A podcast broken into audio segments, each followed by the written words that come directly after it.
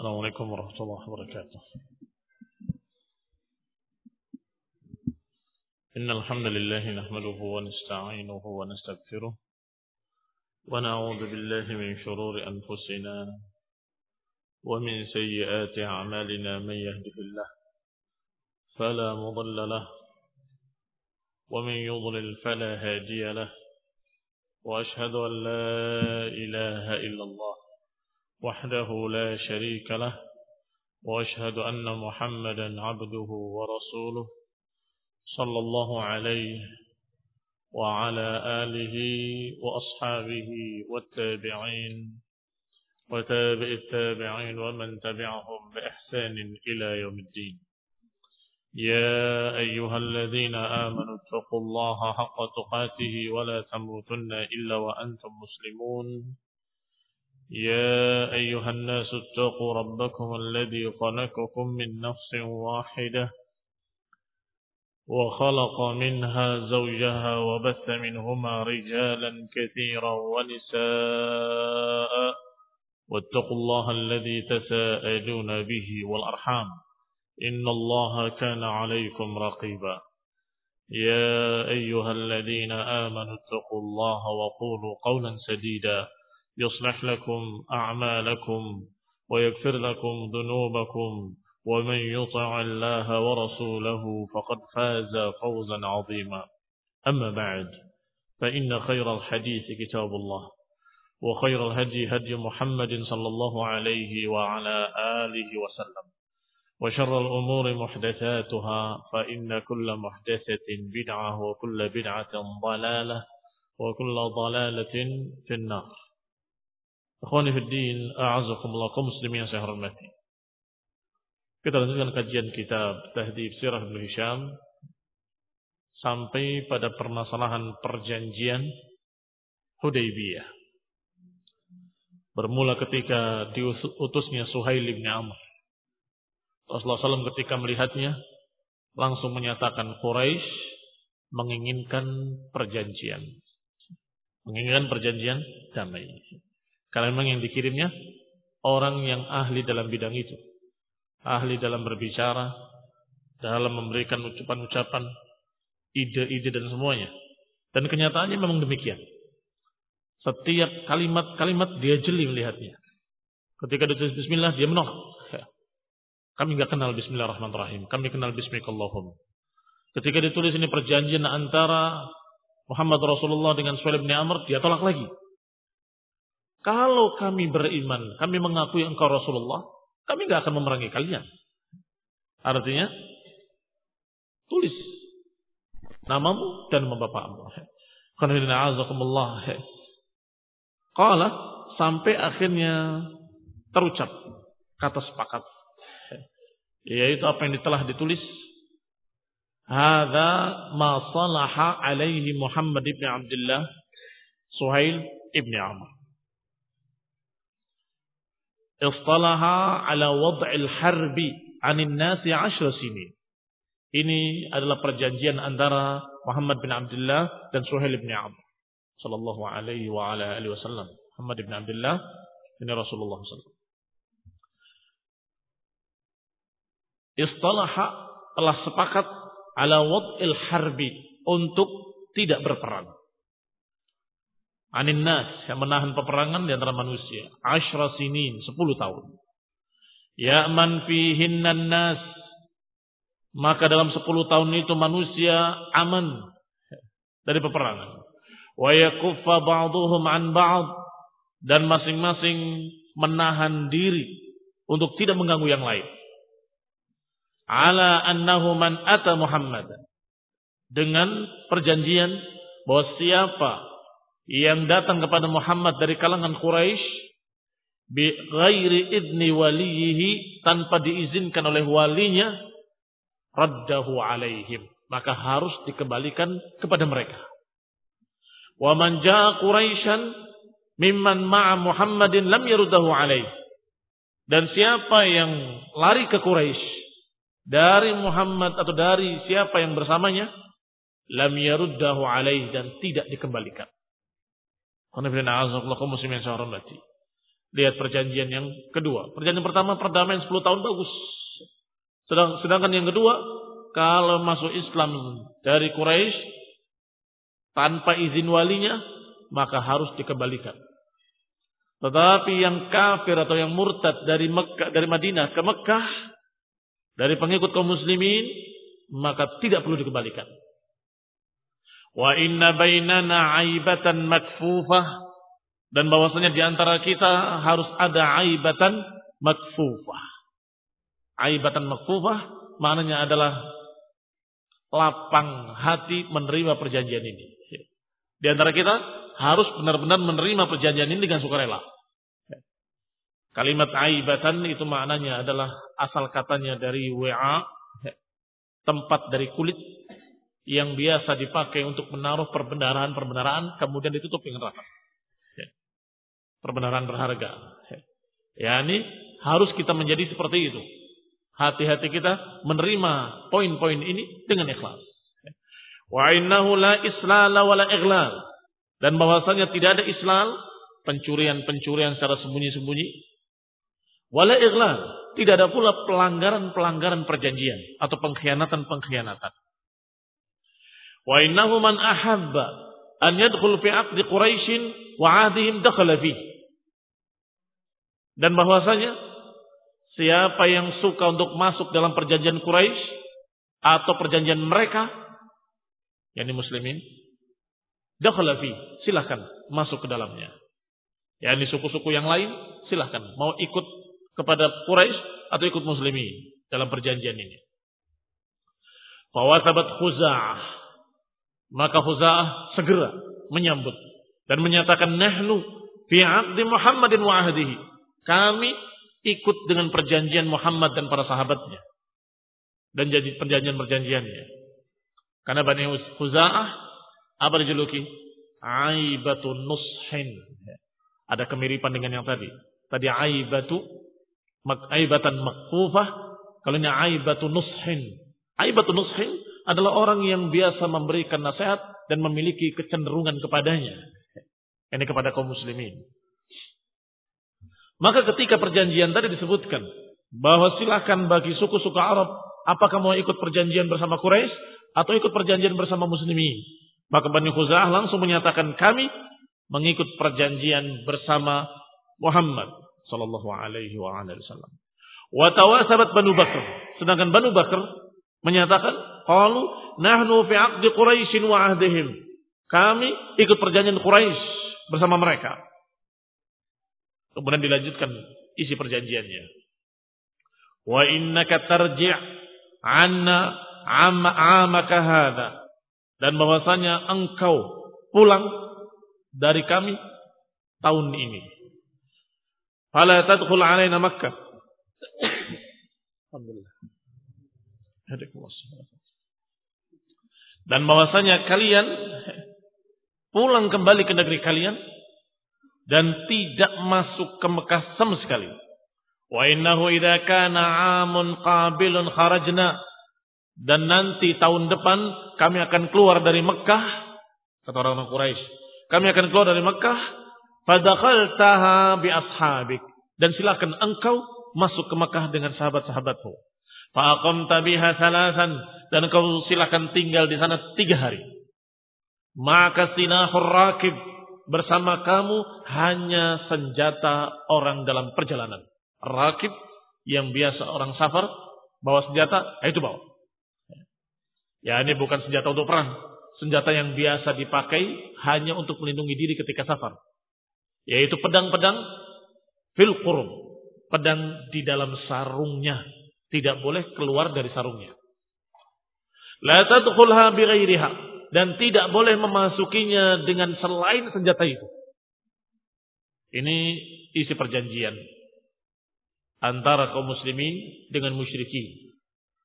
Yang musyrikin diwakili oleh Suhail bin Amr dan kaum muslimin Rasulullah sendiri mengimlaakan dan menulisnya adalah Ali ibn Abi Thalib radhiyallahu taala anhu.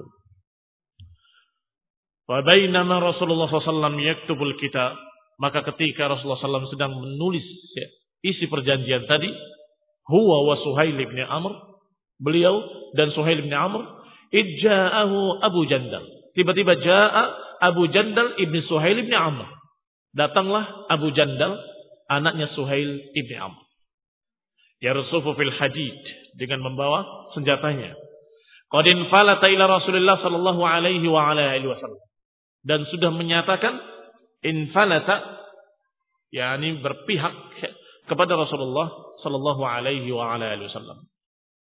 Wa qad kana ashabu Rasulullah sallallahu alaihi wa ala alihi wasallam kharaju wa hum yashukkuna fil fath. Sedangkan para sahabat-sahabat Rasulullah SAW keluar. Kenapa? Karena mereka yashukkuna fil fath. Mereka meragukan keberhasilan perjanjian ini. Enggak bakal bisa selesai. Enggak akan bisa sepakat. Kenapa demikian? Liru'ya ra'aha Rasulullah sallallahu alaihi wa alihi wasallam. Karena mimpi yang sudah dilihat oleh Rasulullah SAW dan para sahabat meyakini bahwa mimpi Rasul pasti hak. Yaitu la tadkhulun dal masjidil haram insyaallah aminin. Bahwa engkau akan masuk Masjidil Haram dengan aman. Muhalliqina ru'usakum wa muqassirina la takhafun. Dengan mencukur rambut kalian yang sebagian menggundul, sebagian memotong pendek dalam keadaan kalian tidak takut.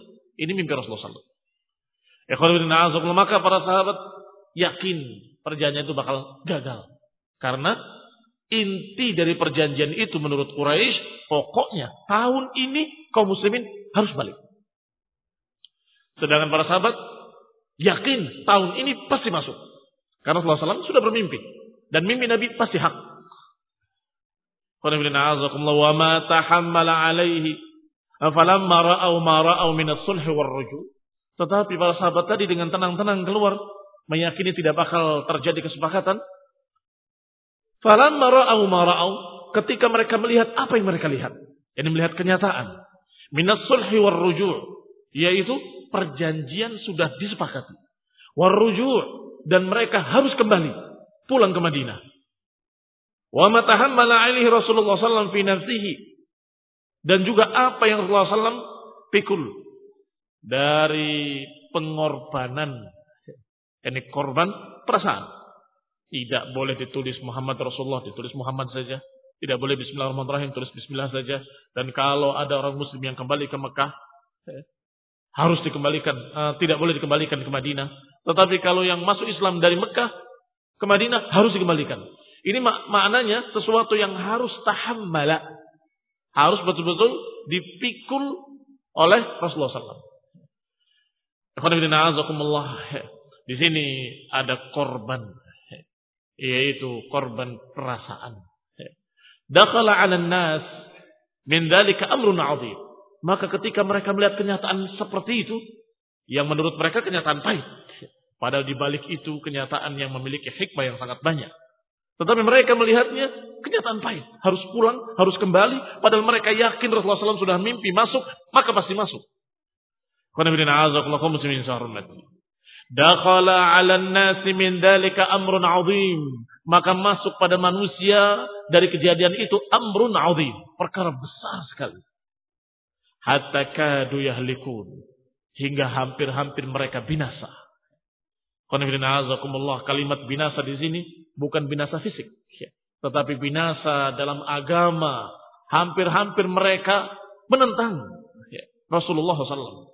Hampir-hampir mereka menolak keputusan dari Nabi SAW. Ini halaknya, binasanya. Hampir-hampir mereka meninggalkan ucapan-ucapan Rasulullah SAW. Falamma ra'a Suhail Aba Jandal. Kembali kepada kisah Abu Jandal. Ketika Suhail melihat Abu Jandal, qama ilaihi fadaraba wajhahu. Maka dia bangkit berdiri menemui Abu Jandal Ibnu Amr, ah, Ibnu Suhail Ibnu Amr, daraba wajhahu, dipukul mukanya wa akhadha bitalbibihi. Dipukul mukanya dan dipegang ujung depan bajunya. Itu talbib namanya. Disebutkan di sini dalam footnote-nya talbib majma'at thiyab inda sadri dikumpulkan bajunya di depan dada kemudian dipegang. Apa itu bahasa Indonesia? Ya. Dikorong apa apa itu? Nah, itu namanya mengambil talbibnya. Ya. Tapi talbibihi setelah dipukul pegang talbibnya baju depannya kemudian dikatakan kepada Rasulullah SAW, ya Muhammad Qad lajjatil qadiyya baini wa bainaka qabla an ya'tika hadha. Ya Rasulullah, bukankah sudah selesai? Dia memanggilnya tidak Rasul karena dia masih musyrik, masih kafir. Sungguh, bukankah telah selesai urusan antara kita dengan kamu? Dan dia datang dalam keadaan kita sudah sepakat. Qala sadaqta. Nabi menyatakan, engkau benar. Memang sudah selesai perjanjian. Maka berarti orang ini masih hak kami, kata Suhail bin Amr. Faja'ala yansuruhu bitalbibihi wa yajurruhu liyaruddahu ila Quraisy. Maka Suhail pun menyeret dengan keras dengan baju depannya yajurruhu liyaruddahu ila Quraisy diseret untuk kembali ke Quraisy. Wa ja'ala Abu Jandal yasruf bi'ala sautih. Maka Abu Jandal pun mengucapkan dengan keras sekeras suaranya. Memanggil kaum muslimin. Ya ma'syaral muslimin a'uraddu ilal musyrikin yaftinunani fi dini. Wahai kaum muslimin apakah kalian membiarkan aku dikembalikan kepada musyrikin? Mereka akan memfitnah aku pada agamaku fazada dzalikan nas ila ma bihim maka bertambah lagi manusia merasakan betapa sakitnya hati-hati mereka sudah perjanjiannya menurut mereka tidak imbang, tidak adil. Sudah ada keputusan harus pulang. Ditambah lagi jeritan seorang muslim. Kita nggak bisa bantu apa pun. Ini ujian yang sangat berat bagi para sahabat. nasa Maka bertambah lagi perasaan mereka. Para sahabat bertambah sakit lagi, bertambah berat. Faqala Rasulullah SAW, maka Nabi pun bersabda, ya Aba Jandal, usbir wahtasib. Wahai Aba Jandal, sabar dan mengharapkanlah hisab. Ini mengharapkan pahala dari Allah Subhanahu wa taala. Fa inna Allah ja'ilun laka wa liman ma'aka minal mustada'afina farajan wa makhraja. Karena sungguhnya Allah Subhanahu wa taala akan menjadikan untukmu dan untuk orang-orang yang bersamamu dari orang-orang yang lemah Mustad'afin bukan hanya lemah fisiknya, tapi mustad'afin adalah orang yang ditindas oleh orang lain. Allah akan memberikan kepada kalian farajan wa makhraja, akan memberikan jalan keluar, akan memberikan penyelesaian. Inna qad aqadna bainana wa bainal qaumi sulhan. Sedangkan kami sudah mengikat perjanjian antara kami dengan kaum tersebut. Wa ala wa ahdahum a'adallah. Mereka, kami berikan pada mereka perjanjian kami dan mereka pun sudah memberikan kepada kita perjanjian. Allah Subhanahu wa taala. Ini atas nama Allah Subhanahu wa taala. Wa inna la. Sedangkan kami nggak mungkin melanggar janji. Wahai Abu Jandal. Disyarat lagi oleh bapaknya Abu Jandal Sampai kemudian wasaba Umar bin Khattab ma'a Abi Jandal yamshi ila janbihi. Umar pun loncat mendekati Abu Jandal dan berdiri sampingnya. Berdiri sampingnya persis dan membisikkan isbir ya Abu Jandal. Fa innahumul musyrikun. Mereka itu adalah orang-orang musyrik. Wa innama damu ahadihim dam kalb. Sesungguhnya darah mereka itu seperti darah anjing. Wa yudni Umar qa'imat sayfi minhu, maka Umar pun mendekat seperti dekatnya pedang dia dengan dia. Ini sampai nempel seperti berdirinya pedang di samping dia. Yaqul, kemudian Umar berkata, "Rajautu an ya'khudha as-sayfa fayadrib bihi abah." Membisikkan seperti tadi, kalimat sesungguhnya darah mereka itu darah rendah. Darah mereka itu tidak ada nilainya. Sabar. Mereka musyrikin. Kamu bisa menebas mereka dengan pedang. Membisikkan kalimat-kalimat seperti itu. Setelah itu Umar berkata, Rajautu an ya'khudha sayfa yadrib bihi abahu. Aku berharap dia kemudian mengambil pedangnya dan menebas bapaknya sendiri. Ya. Fadhanna rajul bi abi. Tetapi ternyata dia masih belum ya, mau mengorbankan bapaknya. Ya. Wa nafadatil qadiyah dan selesailah urusan. Falamma farigha minal kitabi Ashhada ala sulhi rijalan minal muslimin wa rijalan minal musyrikin. Setelah selesai ditulis perjanjian, maka dipersaksikan oleh saksi-saksi. Sebagian dari kaum muslimin dan sebagian dari orang-orang musyrikin. Di antaranya Abu Bakar Siddiq, Umar bin Khattab, Abdurrahman bin Auf. Abdullah bin Suhail bin Amr, wa Sa'ad bin Abi Waqqas, wa Mahmud bin Maslamah, wa Mikriz bin Hafiz, wa huwa yawma idin musyrik, waktu itu dia masih musyrik, wa Ali bin Abi Talib, wa katab. Wa kana huwa katibus sahifah dan bahwasanya Ali adalah penulis surat perjanjian tersebut. Wa kana Rasulullah SAW mutariban fil hilli wal haram. Sedangkan Rasulullah SAW ketika itu dalam keadaan berbolak-balik antara batas hil wal haram. Karena berhentinya di Hudaybiyah pas di perbatasan. Di sana haram, ke sini sedikit sudah al-hil. Al-hil adalah luar haram. Masuk ke dalamnya maka dalam haram. Keluar al-hil. Karena dia di batas miqat. Di batas miqat. Wa kana yusalli fil haram. Dan kalau salat, beliau memilih salat di haram. Ini ke tempat yang sudah masuk miqat. Baru salat di sana. Falamma fariqa minas sulhi qama ila hadihi fanaharahu. Ketika selesai perjanjian, maka Nabi pun menuju unta kurbannya kemudian naharahu, kemudian disembelih. Thumma jalasa fahalaqa ra'sahu. Kemudian dia duduk dan mencukur rambutnya. Falamma ra'an nasu anna Rasulullah SAW qad nahara wa halaqa tawasabu yanharuna wa yahliqun. Ketika mereka melihat Rasulullah SAW mencukur rambutnya dan menyembelih kurbannya, maka manusia pun berlompatan untuk menyembelih korban-korban mereka dan mencukur rambut-rambut mereka. Ini ala talkhis. Ini ringkasnya.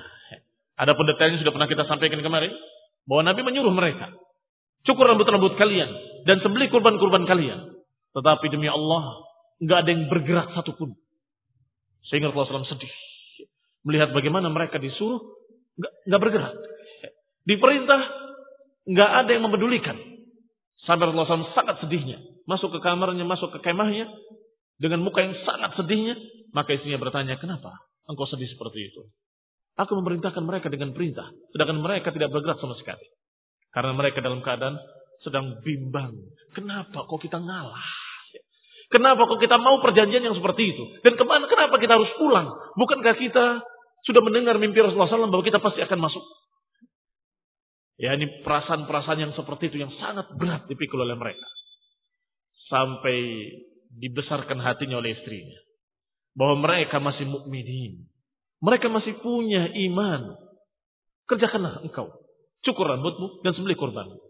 Niscaya mereka akan mengikuti kamu. Sadaqat radhiyallahu taala anha dan benar sekali. Tepat sekali ucapan istrinya radhiyallahu taala anha semoga Allah meridhoinya. Ketika Rasulullah keluar dan dicukur rambutnya oleh istrinya dan kemudian beliau menyembelih kurbannya, maka dikatakan tawasabu yanharuna wa yahliqun.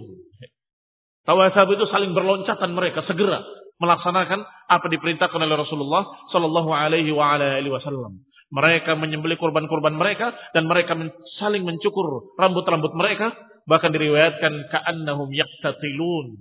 Sampai-sampai sepertinya mereka saling bunuh dengan pisau-pisau mereka. Yang ternyata hanya mencukur rambutnya. Faman sarafa Rasulullah sallallahu alaihi wa ala alihi wasallam min wajhi dalika qafilan hatta idza bain idza kana baina Makkah wal Madinah nazalat surat Al-Fath. Maka Nabi pun berpaling pulang. Min wajhihi memalingkan wajahnya ke arah pulang. Qafilan berangkat. Hatta idza kana baina Makkah wal Madinah sampai ketika di pertengahan jalan antara Makkah dengan Madinah turun surat Al-Fatah lengkap. Inna fatahna laka fatham mubina liyaghfira laka Allahu ma taqaddama min dambika wa ma ta'akhkhar ni'matahu 'alaika wa yahdiyaka siratan mustaqima. Sungguh kata Allah, kami telah bukakan untukmu pembukaan yang jelas.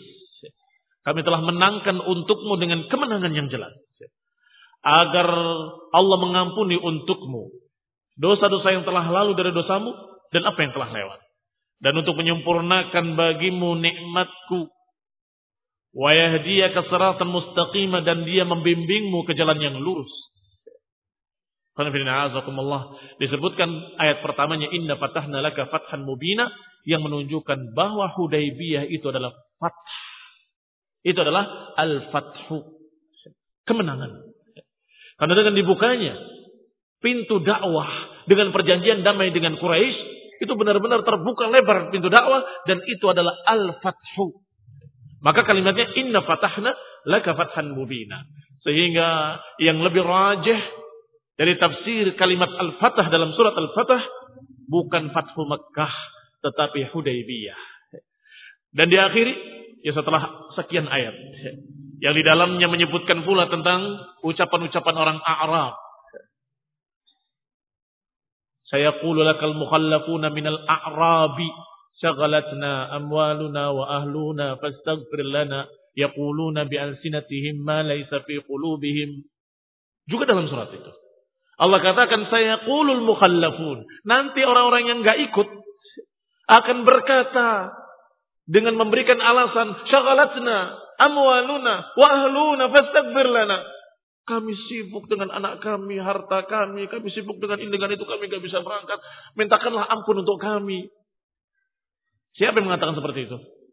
Saya qulul mukhallafuna minal a'rab.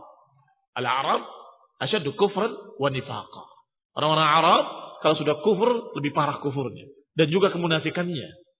Maka orang-orang Arab tadi beralasan dengan sekian alasan. Allah katakan, yaquluna bi alsinatihim ma laysa fi qulubihim. Mereka mengucapkan dengan lidah-lidah mereka apa yang tidak ada dalam hati-hati mereka, alias dusta. Sehingga ketika mereka muslimin pulang ke Madinah, berdatangan itu orang-orang Arab munafikin, ya Rasulullah syaghalatna amwaluna wa wa ahluna fastaghfir lana. Rasulullah dan para sahabat tahu oh ini orangnya yang Allah maksud. Karena turunnya ayat sebelum terjadi. Saya kulul mukhallafun. Sa akan berkata nanti para mukhallafun. Belum terjadi. Maka ketika terjadi, mereka hanya menyatakan dalam hatinya, oh ini orang-orang yang Allah katakan ini. Yang yaquluna bi alsinatihim ma laysa fi qulubihim, yang mengucapkan di lidahnya ucapan-ucapan yang tidak ada dalam hatinya. Demikian pula dalam surat ini pula Allah katakan laqad radhiyallahu 'anil mu'minin id yubayyi'unaka tahta syajarah. Allah ridho kepada orang-orang mukmin yang berbayat di bawah pohon. Maka Nabi bersabda dalam hadis yang sahih mengucapkan la yadkhulun nar ahadun bay'a tahta syajarah. Wa sahih dalam kitab-kitab sahih. Tidak akan masuk neraka satu orang pun yang berbayat di bawah pohon. Jangan bertanya loh, bagaimana dengan munafikin? Tidak ada. Munafikin sudah disaring oleh Allah Subhanahu wa taala, enggak ada yang ikut mereka. Dan mereka selalu menyatakan dengan ucapan-ucapan yang su'udzan. Dhanantum an lan yanqaliba ar-rasul wal mu'minuna ila ahlihim abada. Bahkan kalian mengira kata Allah bahwa Rasul dan kaum mukminin enggak akan kembali ke keluarganya selama-lamanya. Dalam surat yang sama, Allah kisahkan bulan mereka Orang-orang yang bersuudzon kepada Allah dan Rasulnya. Lihat mereka. Mau ke Quraisy, ke Mekah. Mereka nggak akan pulang ke keluarganya. Abadan selama-lamanya. Mereka akan habis dibantai di sana. Maka yang ada, yang ikut, yang bayat di bawah pohon. Semuanya adalah mukmin. Maka ayatnya. Laqad radhiyallahu anil mukminin. Allah ridho pada mereka orang-orang mukmin yang berbayat kepadamu di bawah pohon. Maka Nabi menyatakan la yadkhulun nar, akan masuk neraka satu pun orang yang berbaiat di bawah pohon itu. Dan diakhiri dengan kalimat laqad sadaqallahu rasulahu ar-ru'ya bil haqq la tadkhulunna al-masjid al-haram insyaallah aminin muhalliqina ru'usakum wa muqassinina la taqafun. Fa'alima ma lam ta'lamu. Lihat laqad sadaqallah. Sungguh Allah telah membenarkan mimpi Nabi. As-Siddiq Abu Bakar As-Siddiq yang selalu percaya ucapan Nabi. Walaupun tahun itu harus pulang, Abu Bakar tetap yakin pasti akan masuk. Ketika ketika Umar menanyakannya, kenapa? Kok kita harus pulang? Bukankah Nabi telah bermimpi kita akan masuk? Naam, aku beriman bahwa kita akan masuk. Apakah Nabi bilang tahun ini? Baru tersadar Umar. Tidak. Nabi tidak bilang tahun ini. Maka yakinlah, pasti kita akan masuk walaupun tidak tahun ini. Sedangkan dalam perjanjian sudah terlihat. Silahkan tahun depan kalian masuk dan diberi waktu tiga hari. Bahkan kami akan keluar meninggalkan Mekah.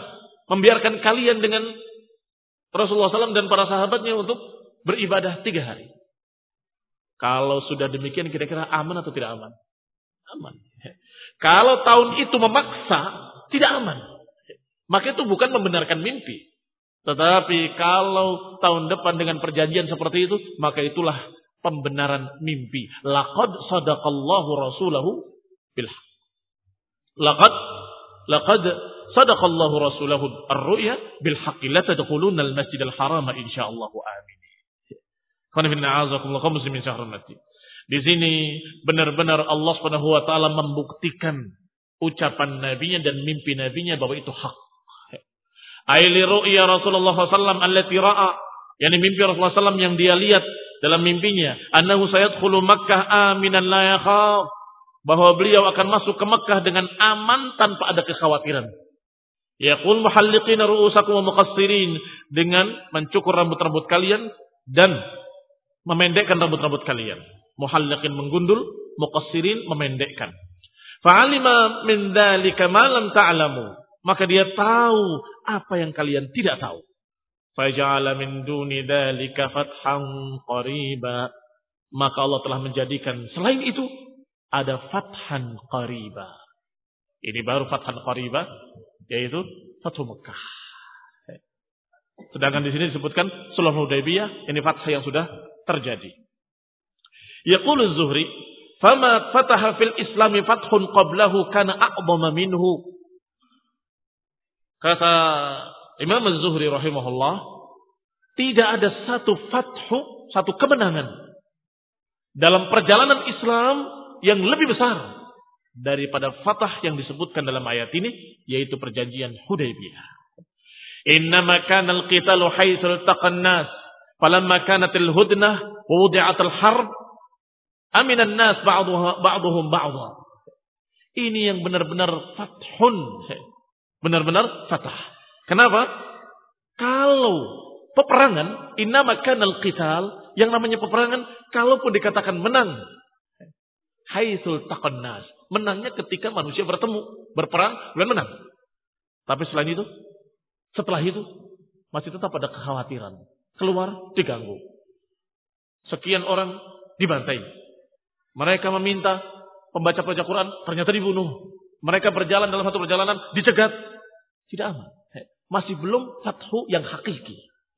Kata Imam Zuhri rahimahullah, nggak ada fathu yang benar-benar fathu yang a'zam, yang lebih besar daripada al-fathu yang dikatakan sebagai Hudaybiyah atau Hudaybiyah yang dikatakan sebagai fathu. Sedangkan ketika hudnah, ketika perjanjian damai, wawudi'atil harb, dan tidak lagi terjadi peperangan, aminan nas ba'duhum ba'dha. Aman keadaan manusia sebagian mereka terhadap sebagian yang lain. Wal taqal fatafawadu fil haditsil wal munaza'ah. Maka mereka pun bertemu dan mereka saling memberikan sesuatu fil hadis, saling berbicara, saling berdebat. Apa maknanya? Saling memberikan argumen. Maka berarti terbuka dakwah. Sekarang menang perang. Tapi nggak ada hudnah. Apakah bisa kaum muslimin berbicara dengan aman kepada musyrikin? Tidak bisa. Tetapi setelah hudnah, setelah perjanjian Hudaybiyah, mereka bisa berbicara dengan bebas. Aman. Saya ingat kenalan saya yang masih musyrik. Nanti kalau ketemu, ketemu, kenapa kamu nggak mau masuk Islam? Bukan ke Islam begini, bukan itu. Bisa berbicara. Ini namanya betul-betul al-fathu, terbuka dakwah lebar-lebar. Falam yukallim ahadun bil islami Ya syai'an illa dakhala fi. Ketika mereka bebas berbicara, bebas ngobrol, bebas menyampaikan Islam, sungguh masih kata ucapan Zuhri. Lam yukallim ahadun bil islami. Tidaklah mereka mengajak bicara seseorang dengan Islam. Kecuali mesti menerima. Berarti kenapa mereka waktu itu menolak? Ima belum tahu apa sih aslinya. Karena dihalangi terus oleh Quraisy dan oleh musyrikin. Wa imma nggak sempat mereka ketemu. Atau yang ketiga, Imam mereka takut kepada Quraisy. Kalau saya masuk Islam, saya akan diginikan oleh Quraisy. Tetapi setelah perdamaian Hudaybiyah, setelah perjanjian Hudaybiyah, mereka bebas mendengarkan dengan hati mereka. Kalau mereka melihat itu hak, mereka menerima dengan gampang pula, nggak khawatir akan diginikan akan digitukan. Maka fala yukallim ahadun bil Islam yaqil syai'an illa dakhala fi. Tidaklah diajak bicara seseorang dengan Islam yang dia bisa pahami kecuali dia masuk Islam. Walaqad dakhala fi fi taini sanataini maka telah masuk Islam di dua tahun tersebut. Misl man kana fil islami qabla dzalika aktsar dalam tahun tersebut tahun yang ada perjanjian Hudaybiyah dan tahun yang berikutnya. Dalam dua tahun itu masuk Islam sebanyak orang yang masuk Islam sebelumnya. Atau lebih apa maknanya maknanya dua kali lipatnya bahkan lebih yang tadinya 600-an atau 700-an menjadi sekian belas ribu orang. Berapa kali lipatnya itu? Kau muslimin. Ini menunjukkan bahwa al-fathu yang hakiki adalah Hudaybiyah. Jangan dilihat dengan kacamata kesederhanaan, kebodohan kita. Tetapi lihatlah dengan kacamata ilmu dari Allah dan Rasulnya.